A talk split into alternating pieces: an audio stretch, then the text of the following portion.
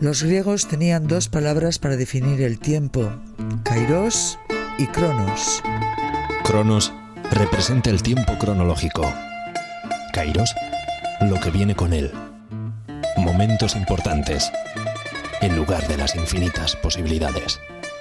Esto es Kairos y Cronos.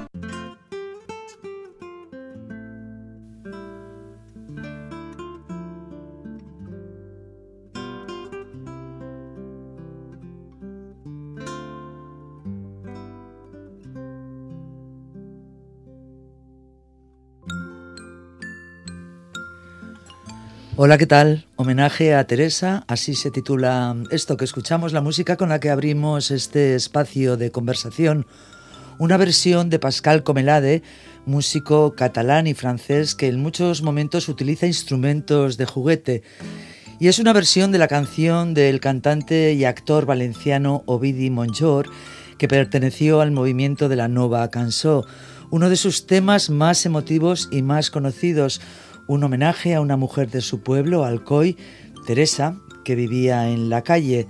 Teresa es el nombre de nuestra protagonista.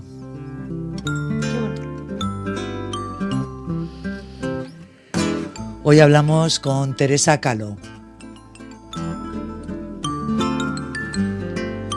Donostiarra, de familia gallega, actriz de teatro, de cine, de televisión, escritora, guionista, columnista, profesora, Bienvenida Teresa, ¿qué tal?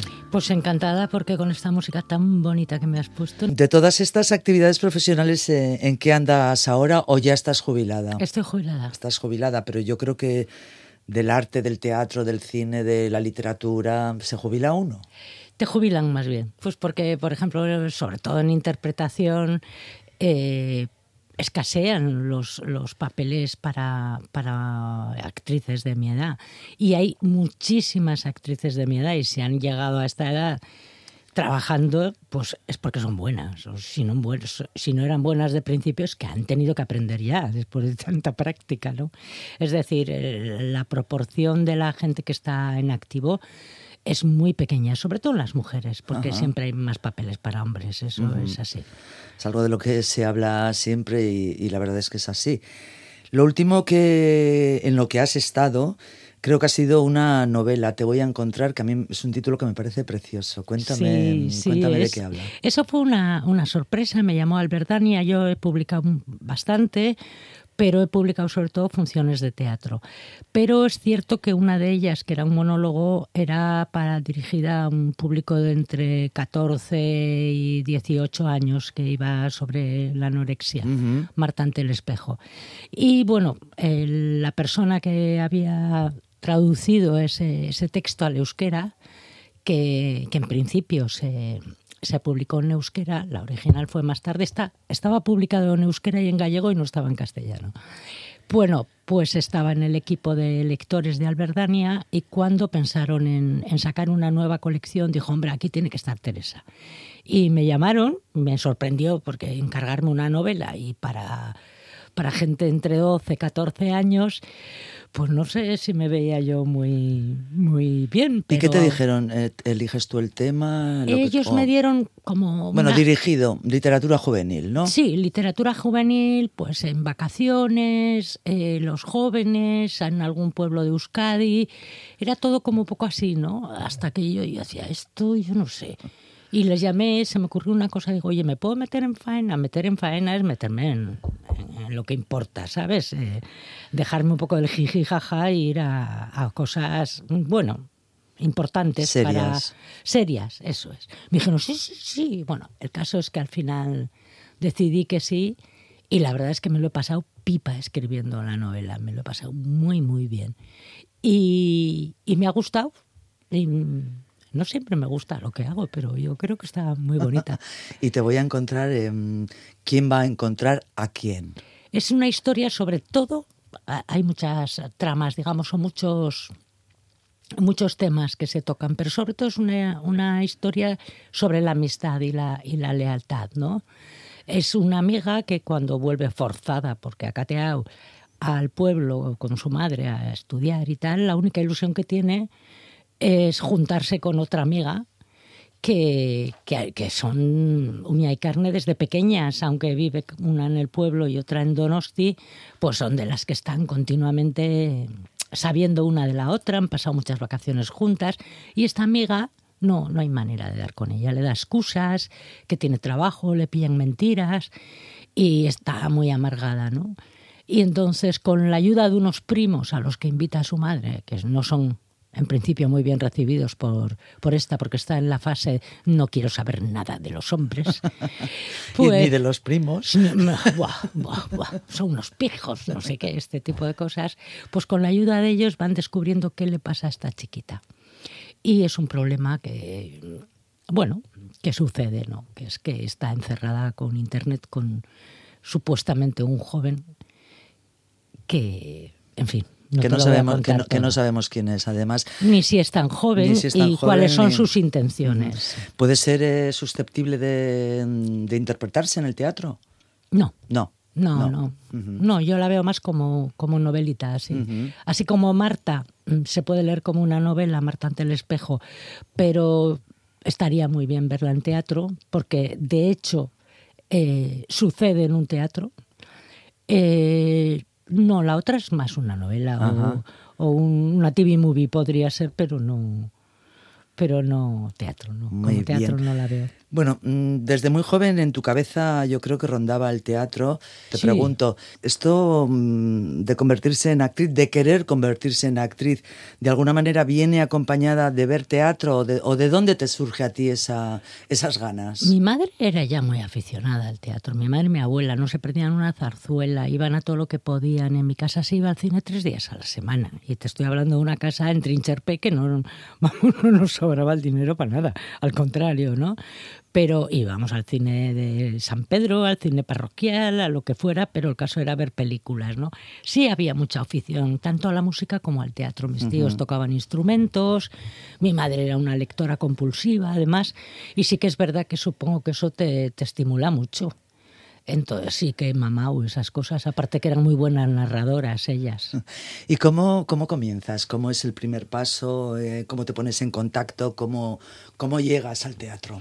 Pues mira, yo eh, lo, que, lo que ocurría es que yo, ha sido mediocre hasta en mis sueños, yo creo, porque lo de convertirme en actriz me vamos, es que ni me lo planteaba, ¿no? Hace poco no sé dónde leía una entrevista a un actor que decía, bueno, lo de ser actor tampoco es tan importante.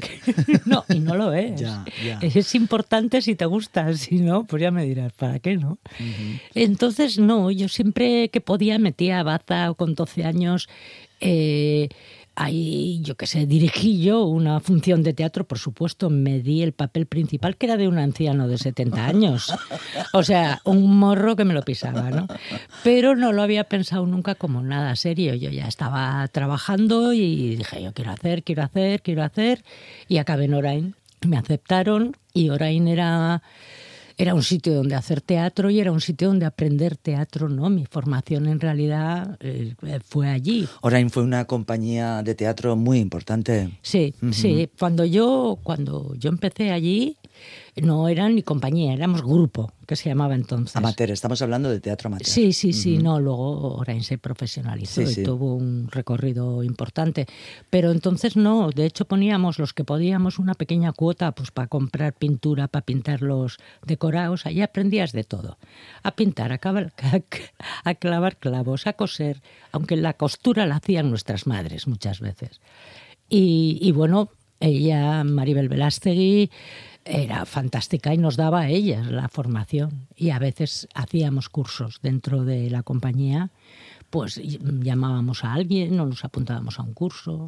Maribel Velastegui, una persona muy importante en el teatro en Euskadi, de las pocas mujeres al principio, ¿no? Sí, ella, ella había empezado muy jovencita y había estado antes, TEI se llamaba, no me acuerdo exactamente qué compañía, y bueno, cuando se desmoronó se, se formó Orain y ella fue siempre la directora. ¿Y te acuerdas em, la primera vez que subiste al, al, escenario con Orain? Porque ya me has contado lo del señor de 70 años, que te veo perfectamente. ¿eh? Bueno, sí, era maño además, había que hablar de un maño, bueno, en fin.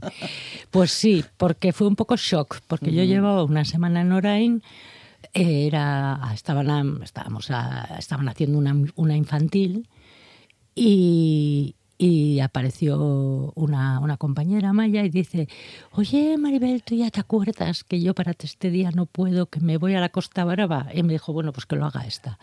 Y entonces, claro, y yo estaba angustiada, ensayé con ellos, era muy fácil y tal, no tenía que hacer una cosa muy grande. Me arreglaron su ropa porque ya tenía más talla y me dice que nada, que sí es para niños, en, creo que era pasaje Sancho o algo así.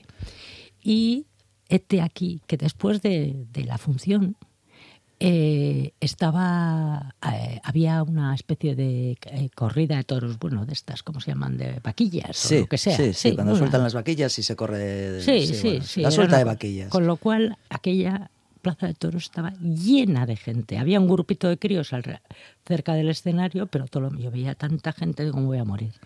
Esa fue mi, ¿Tu bautismo? Mi bautismo de sangre, sí, uh -huh, sí. Y además uh -huh. corría un viento que se nos movían los paneles. Bueno, fue tremebundo, pero ahí ya pues te curas de espanto y dices, ya está.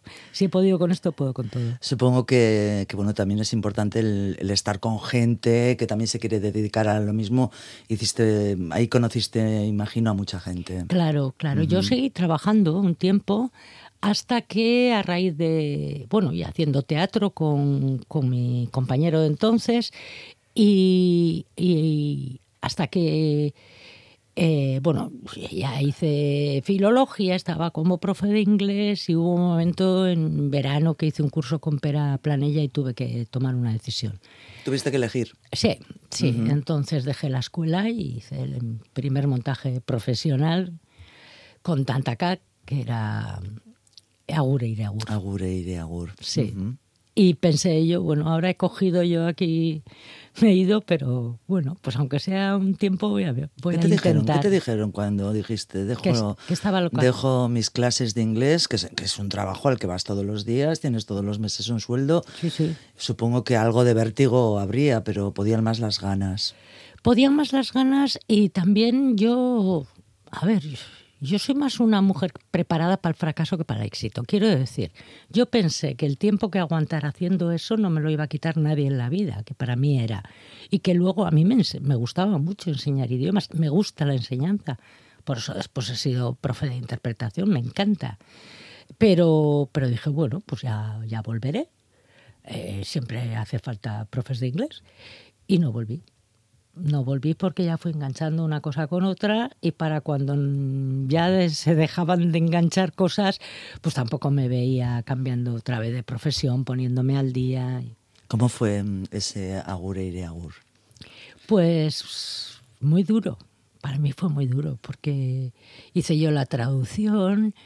Eh, era un mundo muy nuevo en el que yo Hiciste la traducción de, del inglés al, al, castellano. Al castellano, sí. Uh -huh. Y bueno, Pera Planilla era un tipo muy sabio, pero muy difícil. Y yo al principio no lo entendía muy bien. Lo pasé, lo pasé mal, porque, porque de repente me entró la duda de he dejado todo por esto y a lo mejor mmm, soy un horror, ¿no? Pero bueno, luego ya se estrenó, vi que no era un horror. Y, y, era una función maravillosa, de la que tengo muy buenos recuerdos. Donostiarra, de raíces eh, gallegas. ¿Vivíais Galicia en, en vuestra casa? ¿Cómo, ¿Cómo, eran? ¿Cómo eran tus padres y tu, se bebía tus Galicia, hermanas? Se bebía Galicia en Trincherpe. Claro. Claro, porque era, claro. Un, era un... ¿Cómo se dice de Trincherpe? Que es la quinta... En ese momento se decía que era la quinta provincia gallega. Uh -huh. Y también la ciudad del dólar, cuidado. Aunque a nosotros no nos tocó el dólar. Nosotros íbamos con pesetas, porque mi padre no iba al bacalao y esas cosas. Mi padre era, era marinero, arranchale. Uh -huh. Y bueno, inevitablemente mi, mi madre, el mundo gallego de mi madre era muy corto, porque eran sus padres los que se habían trasladado. Y de hecho ya no hablaba gallego. Yo llegué a hablar gallego mucho mejor que mi madre, que era un horror. Pero cuando venía mi padre en la mar con su suegra, con mi abuela que vivía con nosotros, o nosotros con ella, exactamente, entre ellos sí que hablaban. Y por supuesto nunca falta una empanada, un cocido, o sea, sí que se ha vivido, ¿no? Y canciones, y, pero era, era como, también se decían cosas que yo que yo creía que eran gallego y, y, luego resultaba que eran en euskera, porque las traían mis hermanas de la calle, ¿no? Ajá. Eh, siempre una cosa que se decía mucho en casa, y siliqueón. Sí, yo, ya no sabía lo que era Tú sabías que te tenías que callar y punto. Exactamente, porque si no, porque si no volaba algo. ¿Y cómo vivíais esas temporadas en las que tu padre mm, estaba fuera? Bueno, mira, ¿sabes qué pasa? Porque creo que sois cuántas hermanas? Tres o sea, tres hermanas. Erais la abuela, la madre y las tres hermanas. Mujeres. Eh, erais un, un, grupo de mujeres. Mujeres. Y al padre, lo, vamos, vamos, casi casi como que lo mandabais fuera, ¿no? Pobre no se iba. no, cuando venía mi padre era una fiesta, tocar el día que tocara. Era como un domingo porque mi padre estaba en casa. Y entonces cuando la Normalmente, ¿cuánto tiempo estaba fuera? Pues igual ¿Temporadas largas o...? Dependía si iba a la vaca, si iba al trío, si iba... Pero la mamá le hizo prometer que, que, nunca iría al bacalao, por ejemplo, que eran meses y meses. Porque su padre volvía a casa cada año y medio, estaba en mercante, y murió cuando ya tenía 10 años, con lo cual no había tenido padre. Entonces sí que volvía, pues cada dos, tres semanas, pues estaba un día en casa, no estaba más, o sea, era un horror. No le veíamos muy poco, lo que pasa es que los niños se acostumbran. Muchas veces pues es como, yo qué sé, estamos empeñados en protegerlos tanto, ¿no? Su vida no puede cambiar, su vida puede cambiar tanto como la tuya. Un niño se adapta a lo que tiene. Y entonces, para mí no era raro, había muchas compañeras además que tenían la misma situación. Así que bueno, yo tenía una fiesta cuando venía mi padre que traía changurro.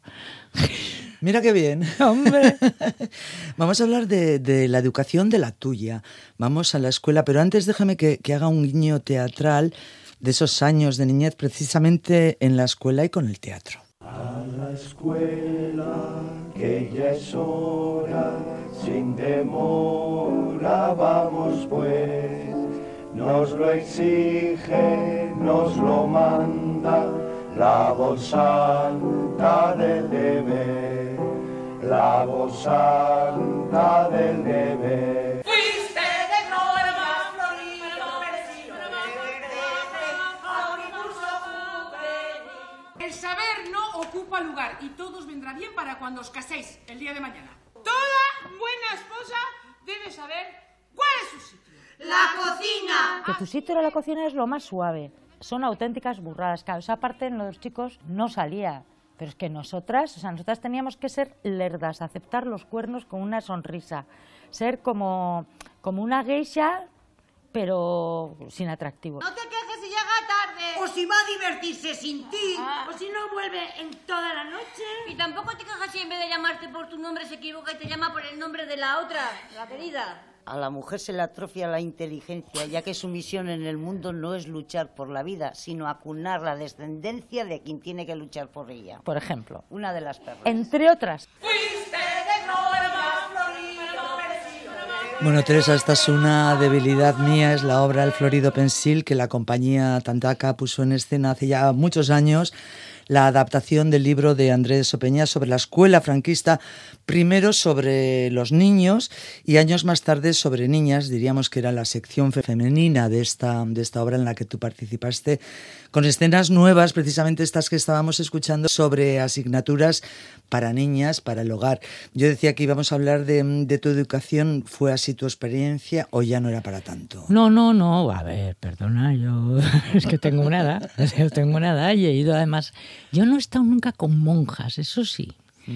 Eh, no he tenido nunca, vamos, no, nada. La catequesis ha sido mi única formación religiosa. ¿Vas a la escuela pública? Sí, pero en la escuela pública, por supuesto, tenías mucha gaita con eso. Y bueno, a mí me gustaba ir a la escuela. Yo, yo era tan curiosa, me gustaba tanto aprender que me parecía un chollo ir allí, ¿no? y aprender cada día cosas y luego jugar hacer atrocidades en el recreo. Ahora con el recuerdo pienso, qué horror, ¿no? Porque había, yo tenía la suerte de sacar buenas notas, entonces me libraba.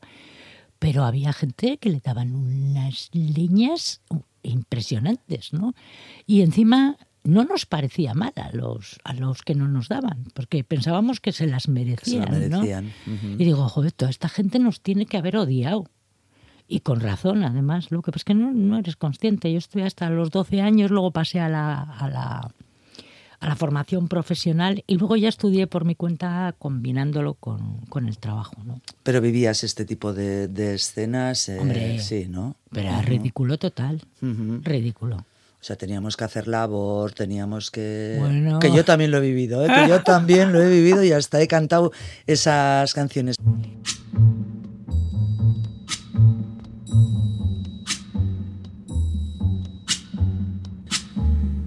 Canción de 1961, Stand By Me, del músico B. King, compuesta por él mismo y por otros dos músicos. Canción adaptada a partir de, un tema de gospel, interpretada por tantos otros artistas y en distintos idiomas. La escuchamos y luego hablamos de ella, Teresa. No, I won't be afraid. Oh, I won't be afraid. Just as long as you stand, stand by me. So, darling,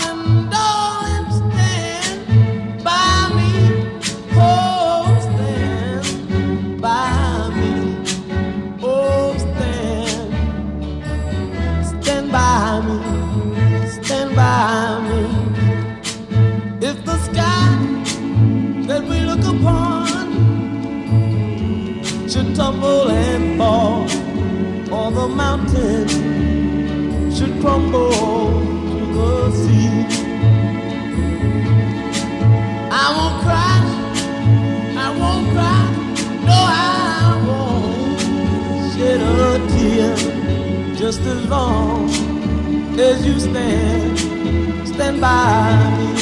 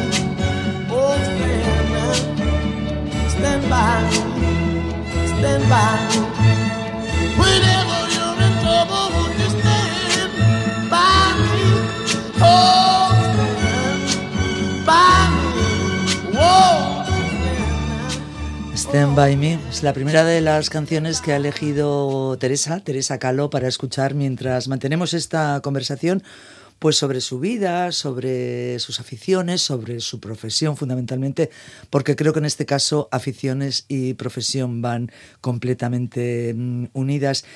¿Qué es lo que te trae esta canción? Uy, me trae todo, me trae todo.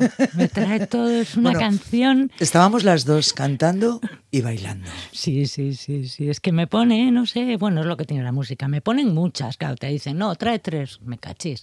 Pero esta la tenía que traer porque además tengo. Me pasó una cosa muy curiosa. Eh, y yo no he sido nunca muy, muy, muy erudita con el tema de la música. No, la música me gustaba y a veces no sabía ni quién era el intérprete, ni quién, ¿sabes? Te gustaba una canción y Sí, me punto. gustaba una canción o, bueno, lo que sea. Y, y hubo un momento que yo dije, pues a mí las dos canciones que más me gustan son Stand By Me y Preguero de Adriano Celentano. Hasta que me di cuenta de que eran la misma. La misma canción en distintos idiomas. Eran dos versiones. Dije, pero serás, serás fenutria. Pero sí, y me siguen gustando las dos versiones. Tu juventud, eh, ya ligada a lo que ha sido tu profesión de actriz, decíamos que empezaste muy prontito de manera amateur, luego ya enseguida, eh, bueno, pues tuviste que, eleja- que elegir con lo que era tu otra profesión, con la de profesora. Y hemos dado un salto, primero hemos escuchado algo de, ese florido pensil, pero en medio ha habido otras muchísimas experiencias. eh, mm, ¿Qué recuerdos? ¿Qué, ¿Qué otras obras? ¿De cuáles son las que ahora mismo, por ejemplo, mm, dirías, las tengo todavía presentes? Uy, yo he tenido muchísima suerte en ese aspecto. Yo he estado en funciones maravillosas. Es algo porque hay veces que te toca defender cosas que dices, caramba, hay que defenderlos, mi trabajo lo tengo que hacer. Pues como os, os pasa en todas las profesiones, ¿no? No es lo mismo servirle un café a un cliente majo que al típico petardo que primero más leche, luego menos, luego está frío, luego caliente, digo yo, ¿no? Bueno, pues en nuestra profesión pasa lo mismo. Hay cosas que las haces porque las tienes que hacer, pero yo en teatro en concreto me ha tocado estar en montajes maravillosos y yo te hablaría de Nastrovia, Chekhov, de Mujeres en sus camas, de todos culpables, todas culpables, de nacidos culpables, incluso montajes muy, muy espectaculares y montajes muy pequeños. Entonces, me cuesta quedarme con alguna, ¿no? Porque realmente estamos en funciones muy, muy... La palabra no es bonita, es más que bonita, ¿no? Funciones que tenían mucho de todo, ¿no? Mucho... eran interesantes. Que te llegaban a ti y que seguramente si te llegaban a ti tú eras la encargada o erais los encargados, encargadas de que ese algo llegara al, público. Claro, y era un disfrute total, ¿no? Y bueno, pues eh, la última experiencia fue el Florido Pensil, que además fue una gira muy divertida con unas compañeras maravillosas con las que algunas de ellas no había trabajado nunca y entonces pues fue una experiencia muy bonita, la verdad. Normalmente em, las funciones, eh, siempre que eran con compañías de, de, aquí, eran siempre en castellano y, en euskera. ¿Tú aprendiste euskera? Sí, sí, sí. Bueno, a ver, ojalá supiera euskera mejor que, que lo que sé, porque por ejemplo esta entrevista no me atrevería a hacerla en euskera, ¿no? Pero, pero sí que sí que estudié euskera, sí que he aprendido mucho a través de los guiones, porque yo también en, en televisión he trabajado mucho en euskera al principio. Y bueno, pues es un idioma que entiendo sin problemas, que no tengo problemas en, en, interpretar un guion porque pues porque entiendo lo que digo y, y, no me... Hombre, es un poco más de trabajo que en castellano, obviamente, pero no tengo problemas, pero sí para improvisar, ¿no? Porque es que además cuando ya sabes bastante, en cuanto metes la pata te das cuenta y eso te va como bloqueando. Cuando sabes mucho te das cuenta que todavía te queda mucho para aprender. Y de que acabas de decirlo mal. O sea, según lo dices, dices, porras, que no le he puesto la K o no le he puesto no sé qué. Bueno, es una pelea de, de toda la vida un idioma. Pero sí, sí que trabaja mucho en euskera y muy a gusto además. Oye, ¿cómo eran las giras? ¿Cómo, ¿cómo funcionabais? no sé, o sea... Pues había, habéis, tú has girado muchísimo, ¿no? Sí, había giras killer, las que te tocaba... sí, sí, absolutamente, ¿no? Que te ponías de mañana en viaje y llegabas a la noche casi al sitio donde tenías que ir, comías lo que podías, dormías y al día siguiente la función vuelve a montar bueno, a veces tocaba hacer burradas, ¿no? Tocaba dormir por la noche porque al día siguiente tenías, imagínate, habías hecho aquí el Victoria Eugenia y luego tenía arriba Davia. Sí, porque se hacían bolos de, prácticamente un día, ¿no? Sí, claro, claro, claro. Entonces, eh, y luego había giras más amables porque salías, digamos, una semana de casa para hacer la zona de Castilla-León te quedaba igual en medio un par de días libres, podías ver un poco y luego ya los viajes dentro de la zona no eran tan largos. En cualquier cosa yo, en cualquier caso yo tengo un muy buen recuerdo de las giras, o sea, mm, de salir machacada muchas veces sí, pero de divertirme muchísimo haces la, amistad realmente entre, entre actores y la complicidad y todo eso sale en la furgoneta de la gira. O sea, son horas y horas juntos y hay que hacer de todo, reírse, discutir, cantar, dormir. ¿Ensayar? ¿Ensayar también? Mm, a veces hacer italianas. Italianas, que es, ya sabes, bueno, decir el texto, a veces sí, si no te daba tiempo a hacerla en el teatro, la hacías en la...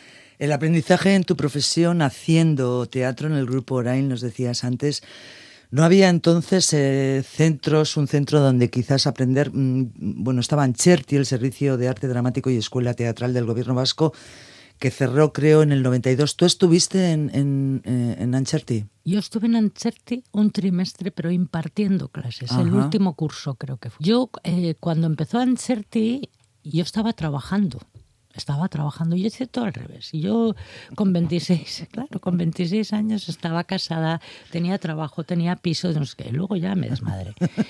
Porque lo que no hace, lo que no haces de pequeña haces de mayor, yo qué sé. Y en ese momento, claro, era dejar eh, el trabajo, no me lo podía permitir porque era una escuela de tiempo completo, etcétera, etcétera. A mí me llegó pues me llegó tarde. ¿no? O me llegó en una circunstancia mía personal, económica, que no me lo podía, no, no podía permitirme aquello, ¿no? Y, lo que por eso luego, bueno, yo he ido detrás de Strasberg a varios, a varios, me fui a Madrid, hice cursos aquí, me apuntaba a todo lo que me parecía interesante, ¿no? Y luego ya te digo la formación que nos dio Maribel que, y la experiencia. Efectivamente, haciendo, haciendo teatro. Pocos años después del cierre de, de, la escuela del Servicio de Arte Dramático y Escuela Teatral del Gobierno Vasco de Ancherti, Precisamente tú participaste en la creación del taller de artes escénicas TAU, TAE. TAE, actores, guionistas y productores vascos que queríais de alguna manera reflexionar sobre el futuro de la, de la profesión. ¿Cómo os lanzasteis? ¿Cómo, ¿Cómo fueron aquellas reuniones de decir, hay que hacer algo, porque si no, mm, pues mira, ¿qué va a pasar? Si, te, si te digo la verdad, fue una, una madrileña. una madrileña que, está, que tenía pareja aquí, que en verano hicieron un, un, curso, un curso de teatro en verano, y, y, cuando se acabe el curso, pues la gente que había estado en ese curso dijeron, ¿y ahora qué? Es que aquí no hay nada, no hay nada. Entonces la madrileña que tenía, pues no Remango.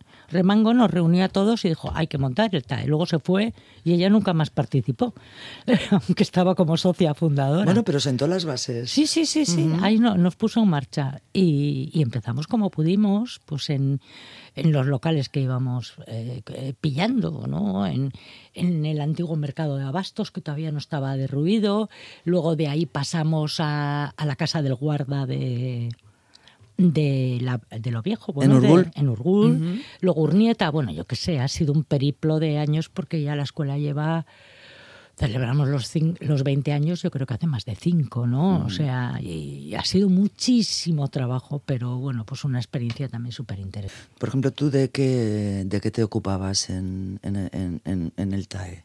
Bueno, mira, yo ya cuando se podía uno ocupar de lo suyo solo, porque había gente para... Os teníais que ocupar de Daba clases de interpretación, pero durante mucho tiempo, pues si tocaba pintar, pintabas el aula que te dejaban porque estaba, yo qué sé, a las Agustinas de no sé dónde, te dejaban en un sitio porque había que pintarlo. Sí, pero me refiero, que además, me refiero que además de la, de, de la interpretación propiamente dicha, pues no sé, también habría guion, guion o... Ah, bueno, pero yo es eso en, en tu, en tu propia en tu propio aula, que ocurría que muchas veces, eh, era mi caso, ¿eh? que muchas veces decía, a ver dónde encuentro yo una función o algo eh, que se adapte a las, a las características Del de grupo este grupo, tengo. tanto en sexo como en edades, etcétera, etcétera. Y lo que sí he hecho ha sido es, eh, escribir, hacer adaptaciones también, pero escribir para ponerlo en pie con ellos, claro. ¿Pensabais que, que iba a ser eh, mm, algo más pequeño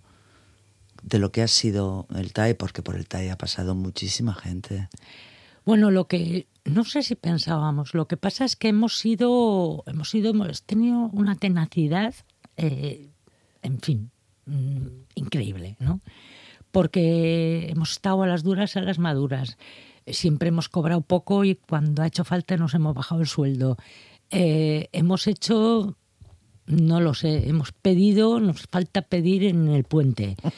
Eh, y, y, milagrosamente ahí se ha sostenido y además el otro día estuve en la, en la presentación, aunque yo ya no estoy, y, y en, en comienzan el curso con muy buenas perspectivas, ¿no? con los tres grupos llenos, primero, segundo y tercero. Entonces dice, pues solo, ole tú, hemos pasado, pasaron el confinamiento, etc. Bueno, de alguna manera hay una afición, la gente tiene una vocación y, y ahí estamos. La labor de docencia, decías, es gratificante siempre. Siempre. Y muy dura, muchas veces también. Mm. Sí, porque además, como no son ciencias exactas, yo a pesar de toda la experiencia, ha habido días que he salido de clase diciendo, yo no sé hacer esto, si no he avanzado nada. Y de pronto, igual a la semana siguiente, a las dos, tres clases, pasa algo muy bonito, ¿no? Y ha posado lo que tú has estado intentando inculcar, ¿no? y sales ahí chutada, vamos, claro. Como Y diciendo, efectivamente, sí que esto valgo. resulta. Al- esto sí que valgo, resulta. ¿no? Y luego ver los procesos de alguien titubeante, alguien contundente, yo me los como mis... mis... ¿Qué edades suelen tener? Eh, ¿Son gente Ahora joven? son más jóvenes, ahora son en general más jóvenes, pero durante muchos años había, yo me recuerdo que tuvimos un alumno maravilloso, Antonio, que se matriculó cuando se jubiló con 65 años. Sí, y yo he tenido gente pues, de 50, de tal, y era muy interesante esa mezcla de edades. Aparte de que te permitía acceder a escenas de diferente ¿no? de diferente sector que no tenían que hacer no tenían que hacer de señor de, de maño de 70 años no, no no yo es que eso no lo he consentido nunca por Dios. Qué feo. Ha pasado nombres importantes de, de la escena de, de, hoy en día, ¿no? Eso me imagino que para ti también es un orgullo, pues no sé, ver una, ver una película, ver una serie de televisión, ir al teatro y encontrarte con, con nombres, eh, con chavales y chavalas entonces y, y, que ahora son unos mira actorazos. Gorka Ochoa, uh -huh. mira, yo qué sé, Sara Cozar, Torleta Urreta Vizcaya, Itziber Garmendia, que nos mintió, que dijo que tenía una edad que no tenía para apuntarse. A Itziber Picarona. Gente maravillosa. Telmo, no me sale ahora, perdona. Telmo. El que ha hecho la película. El que ha hecho la película, ha hecho la, película consagración de, de la primavera, que no me la pierdo. Sí, sí, sí. O sea, Telmo Irureta, Barcau. Eso es, eso es. Entonces, que, claro, es que te llena de los... De, es, hombre, son mis niños. Al que, al que al demonio no le da hijos... ¿Cómo es? A que no, Dios no a le que da Dios hijos. no le da hijos, el demonio le da sobrinos. A mí, alumnos. A ti, alumnos. Me alegro, me alegro. El futuro del TAE lo ves, eh, sí, lo ves sí. bien, ¿no? Sí, lo, está lo ves sano, bien. está sano. Vamos con la segunda de las canciones que ha elegido Teresa, Negra Sombra, un poema de Rosalía de Castro, una de las más emblemáticas canciones gallegas hasta el Orfeón Donostiarra creo que lo, lo, ha tenido en su repertorio. ¿Hay algo mm, de tu alma gallega que hace que esta canción te emocione? Pues mira, con, con esta canción me eché yo a llorar en mar adentro. Yo estaba contenida y luego me encanta Luz Casal. Y luego esta es la última canción que le puse yo a la en la última visita que hizo antes de morir. Ella estaba perfectamente todavía. Y estuvimos ahí las dos juntitas en mi casa oyéndola, que a ella le encantó. Siempre la había oído por coros y la habíamos cantado en casa también, claro. Pues vamos a escucharla. Luz sí, Casal. Sí. Canto penso que te fuches Negra sombra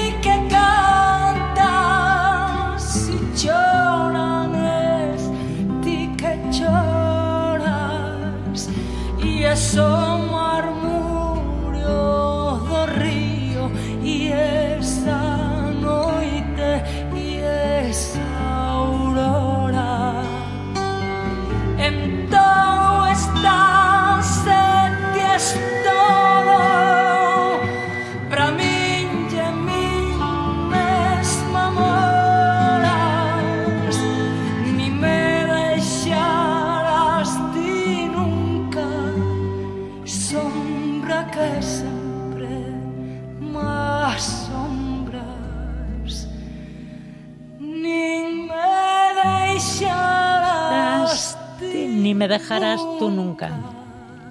Sombra que siempre me asombras. Estaba Teresa cantando también la canción. Estos versos de Rosalía de Castro. Es una canción triste. Sí.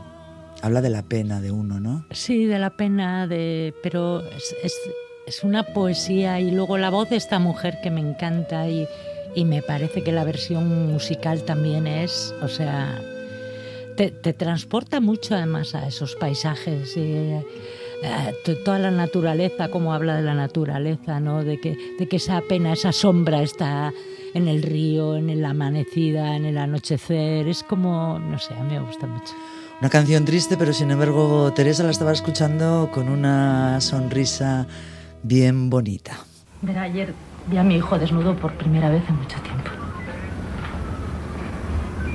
Es curioso, ¿no? Salen de nosotros. Los abrazamos por primera vez desnudos. Y luego los tenemos así tantas veces. Ze istorioak Mari beraren abisuak tia, eta sinistu behar zenituzke pixka bat behintzat. Ura goze da berriro. Zindi ez zuen kondaira bati leporatu. Istripu esan zen, kasualitate tragikoa. Zan istripua izan, preste hon behar gea. Denok. Quiero contarle la vida de José. Tiene 12 años y trabaja desde los 8. Es el único que trabaja de su familia. Mantiene a su madre y a sus dos hermanos. Tiene que operarle cuanto antes para que pueda volver a su casa. Así me ha convencido. Operarle deprisa para volver a ser un esclavo, ¿no? Puede dejar de pensar por un momento como un europeo rico. Tiene que trabajar. Si él no trabaja, su familia no come. Lo de la malaria es lo de menos en su vida. Es Teresa, Teresa en el cine y en la televisión. Eh, dos medios que no han sido ajenos a ti. Has participado en muchísimos de los títulos eh, de series españolas y vascas, también del cine. Vamos un poco por partes. Háblame primero un poco de las series de esta casa de TV. La, eh, no sé, porque aquí hacías papeles protagonistas. Bueno, de todo. De todo, de todo, sí, pero sí me ha tocado. Mira, ETV también fue como una gran escuela, ¿no? Porque era una tele más, más pequeña que lo que cuando te ibas a Madrid a unos estudios y tal. Y es muy curioso, hasta tal punto era escuela que sabíamos un poquito de todo, ¿no? Porque era, estábamos todos como muy juntos. Y, y, a mí me han llegado a decir cuando estaba, cuando estaba rodando o grabando eh, Ciudad Sur, uno de los directores dijo, porque había varios, estaba también eh, Loli Astoreca, sí. eh, eh, Juan Curgurruchaga, en fin, decía, oye, los, los actores vascos sabéis muchísimo de tele, sabéis mmm, cómo mmm, controlar el, la, estáis controlando la pértiga, no sé qué, el foco, no sé cuánto, digo, bueno, porque hemos trabajado en una tele pequeña y es verdad, ¿no? Que, que, aparte de la interpretación estabas pendiente, ¿no? Cuando veías que algo se repetía porque se veía la pértiga, decías, hablabas directamente con de la pértiga, decía, oye, si digo esto un escalón más abajo, ¿a ti te va bien? Sí, no pasa nada. Pues venga, lo hacemos así. Diré que voy a decir esto un escalón más, vale, ¿sabes cómo? Uh -huh. Pero qué puñeteros, ¿sabes? Se están fijando en todo, pues porque esto había sido una gran escuela también para para, para todos nosotros, creo, ¿no? Y, y, bueno, lo que pasa es que se acabó, llegó un momento que se acabó, pero, pero yo trabajo aquí a gusto. ¿Qué personajes? ¿Qué personajes? Eh, yo, yo en la cabeza tengo, tengo muchos, pero quiero que me los, que me los digas tú. Personajes de, de televisión. De televisión, sí. En ETV, en concreto, bueno, yo disfruté mucho cuando hacía los, los programas con Quique también, ¿no? Sí. Que hacíamos sketches y esas cosas y nos divertíamos mucho. Con y, Quique Díaz de Rada. Con Quique Díaz de Rada. Y un besazo aquí con...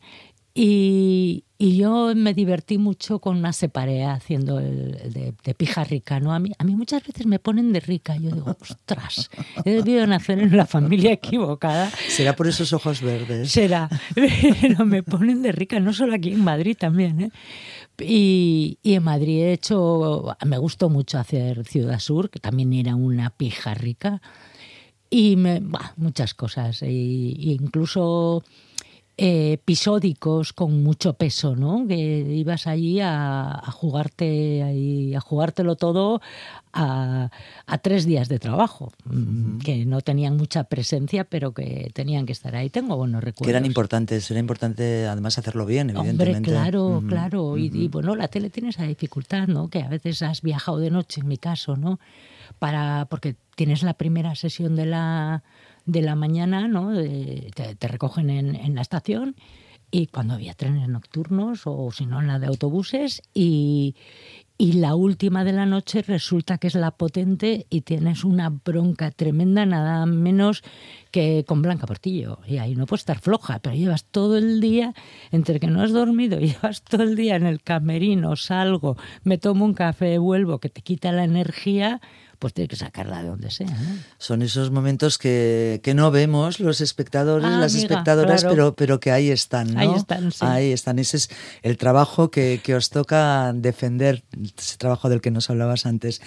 El cine, ¿qué, ¿qué, ha sido el cine? ¿Qué, ¿Cómo te has movido por el cine? Tampoco he tenido tanto en el cine, me hubiera gustado hacer bastante más, la verdad. Y qué te voy a decir, pues para mí la mayor experiencia y la mayor alegría fue con, eh, trabajar en La voz dormida con, con Benito Zambrano. Uh -huh. fue, aquello fue un sibidium, la uh -huh. verdad que sí. Que, mira, eh, que este, con la entonces casi desconocida María León tenía casi todas las, las secuencias y que es una bomba. Es una bomba. Luego ha hecho mucha comedia y tal, pero el que recupera esa película y la vuelve a ver, Ahí hay una actriz impresionante, Inma Cuesta también. Y sí, fue una experiencia muy bonita. Benito Zambrano es un enamorado de los actores. Mm, hay directores que, para los que somos como los muñequitos, ¿no? Traerme los muñequitos. Pero hay los directores que, que realmente les gusta la interpretación te cuidan mucho, te cuidan mucho en el buen sentido de la palabra, ¿eh? no de hacerte mimos, pero sí de prestarte. Te dirigen. Sí, te dirigen y te dan el tiempo y, y, les encantan las propuestas y vamos, es un trabajo precioso. Cuando se, cuando te enfrentas, por ejemplo, a una primera vez en, en el cine, ¿cómo lo vives? ¿Cómo te das cuenta de lo distinto que es de, de otras? De, de, otros momentos en, en, tu profesión, en el teatro o, o en la televisión, o no es distinto? No lo sé. Sí, sí, es distinto. Uh -huh. Sí, es distinto. Porque eh, es una cuestión sobre todo de proyección. Y cuando hablo de proyección, no hablo solo de proyección de voz, hablo de proyección de energía y de texto. O sea, si tú tienes una cámara a 10 centímetros, a 20 centímetros, a 40, la proyección de energía no, no es menor, es diferente. Totalmente. Es diferente, uh -huh. porque si no, apabullas. En teatro, sin embargo, no puedes limitarte a contar las cositas, pipi, pipi, porque no trabajas para ti, trabajas para el de la primera fila y el de la fila 30 también. Y al que está en el gallinero. Claro, uh -huh. claro, ¿no? Entonces es una es es casi adaptarte a una sensación espacial diferente, ¿no? y que ya llega un momento que cuando combinas las, los tres medios va ya está se va a cada sitio eh, donde estés. Tú ya sabes lo que tienes que sí, hacer, claro. evidentemente, en un sitio, en otro, claro. en otro, o allá. Estas son o distintos lenguajes, digamos. Efectivamente. ¿no? Vamos a, a, la escritura, Teresa. ¿Cómo, cómo, cómo llegas tú también a, a, la escritura? No sé si. Porque primero creo que son eh, montajes teatrales, ¿no? Bueno, yo escribo desde que yo recuerdo que sé escribir. ¿Vale? O sea, ya siempre. me he columpiado. No, siempre, siempre en el cole era la que sacaba el premio de redacción, el no sé qué. Me han gustado siempre mucho, ¿no? Escribir. Entonces, lo, lo, lo primero que yo hago, bueno, yo había escrito alguna otra función de teatro, pero por mi propio divertimento, ¿no? Y lo primero que sale a, a escena es mentiras. También en este caso por, por Maribel Ripoll, Uh -huh. por la madrileña que la madrileña que, que fundó el TAE. que fundó el TAE. Tiene la nariz de la cosa. Luego no la volvimos a ver pero da igual. Que pues ella se había quedado sin trabajo y tenía dinero y ¿qué, qué te haces? ¿qué estás es que haciendo? pues estoy escribiendo esto. Le conté la idea y me dice acábala, la montamos y así fue. Y la montamos y la verdad es que es que funcionó muy bien. Y, y a raíz de eso de cuando la vieron Carlos Zabla y Eneco Sagasti, que estaban trabajando entonces en, en Jauntajabe, me pidieron que hiciera dos, dos escaletas, digamos, eh, dos como resúmenes, dos, dos argumentos, es, dos argumentos para que escogieran uno para Ajá. un capítulo. Ajá. Y les gustaron tanto los dos que escogieron los dos y luego ya escribí muchos capítulos, estuve en Maite, bueno, yo creo la Luego cosa. han estado todas las novelas que has escrito. Eh, no, novelas. Novelas pocas. Siempre, tú siempre te has tirado por el, por el teatro. Yo solo tengo una novela escrita que la mandé a tres editoriales. Una me dijo que no tenía literatura. Tiene toda la razón, no tiene literatura. Y, y bueno, como yo soy. Mmm, me, me, me, cuesta menos aceptar un fracaso que un éxito, creo, pues ahí la tengo. Ya. Si la quieres leer, ya te la paso. Pues mira, yo encantada, yo encantada. Biografías inventadas, uh -huh. se titula. Y luego sí, he escrito mucho teatro porque es, es, un género en el que yo me siento muy cómoda. Tengo publicadas siete, ocho cosas de teatro y varios premios, además de, pues desde el Cucha, Barahona de Soto, Café Bar Bilbao. Eh, se me olvida alguno, se me olvida alguno, por favor, que me perdone. Ah, sí, Santurci, que se montó. Y, y, por eso te digo que lo de la novelita fue, fue sorpresa, pero también me lo he pasado bien. Bueno, ahí está también esa novela de la que hablábamos al, al comienzo de, de, esta, de esta conversación. Te voy a encontrar. Eso es. Eh, otros muchísimos eh, títulos más. Mm, Teresa, me gustaría que me hablaras de una cuestión que yo creo que es muy importante y es la, cura, la curación emocional a través del arte. Sí. También eh. cuando uno escribe o cuando se eh, está en un set de grabación, está haciendo una película o se enfrenta al público en el teatro, ¿es consciente de eso? Bueno, hay una cosa que pasa y es que bueno, en general, en general, tampoco quiero ser muy especial, en general siempre decimos que contra preocupación, ocupación. ¿no? Uh -huh. Si encima esa ocupación te exige un poco salir de ti, a ver, no hablamos aquí de paranoias ni de, ay, me cambia la personalidad, no, pero sí salir un poco de ti para meterte eh, jugando, digamos, ¿no? Como meterte de mentiras, pero hacerlo verdad, otro personaje, te das vacaciones a ti mismo. Y eso ya lo creo que alivia, ¿no? O sea, si tú estás en una época mala y de repente te sale un trabajo, uff, como que vuelves a respirar. Y no es ya solo por la preocupación del trabajo, sino porque ese trabajo te da muchas cosas. Uh -huh. Pero además de eso, yo he visto eh, unas evoluciones maravillosas en la, sobre todo en, en gente joven, en la escuela a través de la interpretación. Los alumnos que, que has tenido. Sí, uh -huh. a través de la interpretación. ¿Por qué? Porque, porque se trabaja con sentimientos, porque, porque se aprende eh, a empatizar, porque, porque acabas sabiendo más de ti mismo y saber más de ti mismo te da más recursos, ¿no? Y, y, a mí me parece que, bueno, incluso mucha gente, yo me recuerdo una vez unos padres que me, que me dijeron cuando acabamos, cuando hicimos el montaje de tercero, me dijeron, mira, no tenemos ni idea a qué se va a dedicar nuestro hijo, pero sí sabemos que el dinero más, mejor invertido ha sido esta escuela, uh -huh. porque ha hecho una evolución personal maravillosa. Y eso, eso da mucho gusto. Supongo que meterse en el tener que, que pensar o, o, meterse en, el, en la piel de otra persona también ayuda a, a, a mirarte a ti mismo, ¿no? Claro, uh -huh. y a adquirir empatía y a volverse uh -huh. más abierto muchas cosas, muchas cosas, ¿no? A ser más curioso. Qué bonito ser más curioso. Pues nos vamos a ir despidiendo con bulerías, porque queremos que entre, que entre el aire, que entre siempre el siempre. aire. Siempre.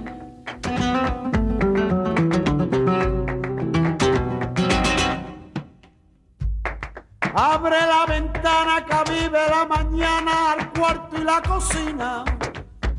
Aire,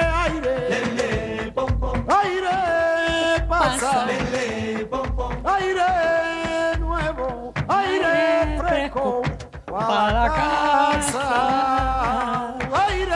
Teresa, ha sido un auténtico placer charlar contigo. A mí se me ha hecho cortísimo, teníamos bastantes más cosas de las que, de las que hablar, pero siempre, siempre que estamos a gusto, pues nos pasa esto.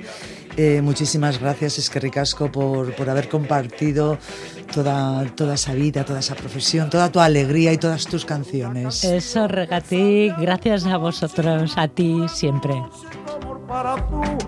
En la calle de las tres esquinas cantaba el Sabina y esa de Jesús le recordaría mientras paseaba. Nos vamos en la técnica Miquel Olazabal, el saludo de María José Villaverde Agur.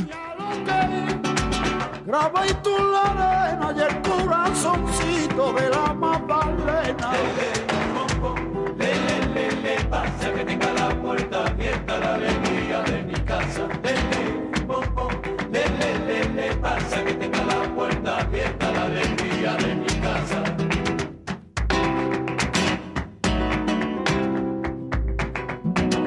A bien, nunca viene a bien, flores de papel y además un ramito. A bien, nunca viene a bien, flores de papel y además un ramito. Por muchos colores que tenga ese ramo, no quiero usar flores. Pero eso no ha de pasar, no ha de pasar, que no, no nos conviene. Si tendrá mi tal y rosado, mi tal y rosado, mi tal y rosado.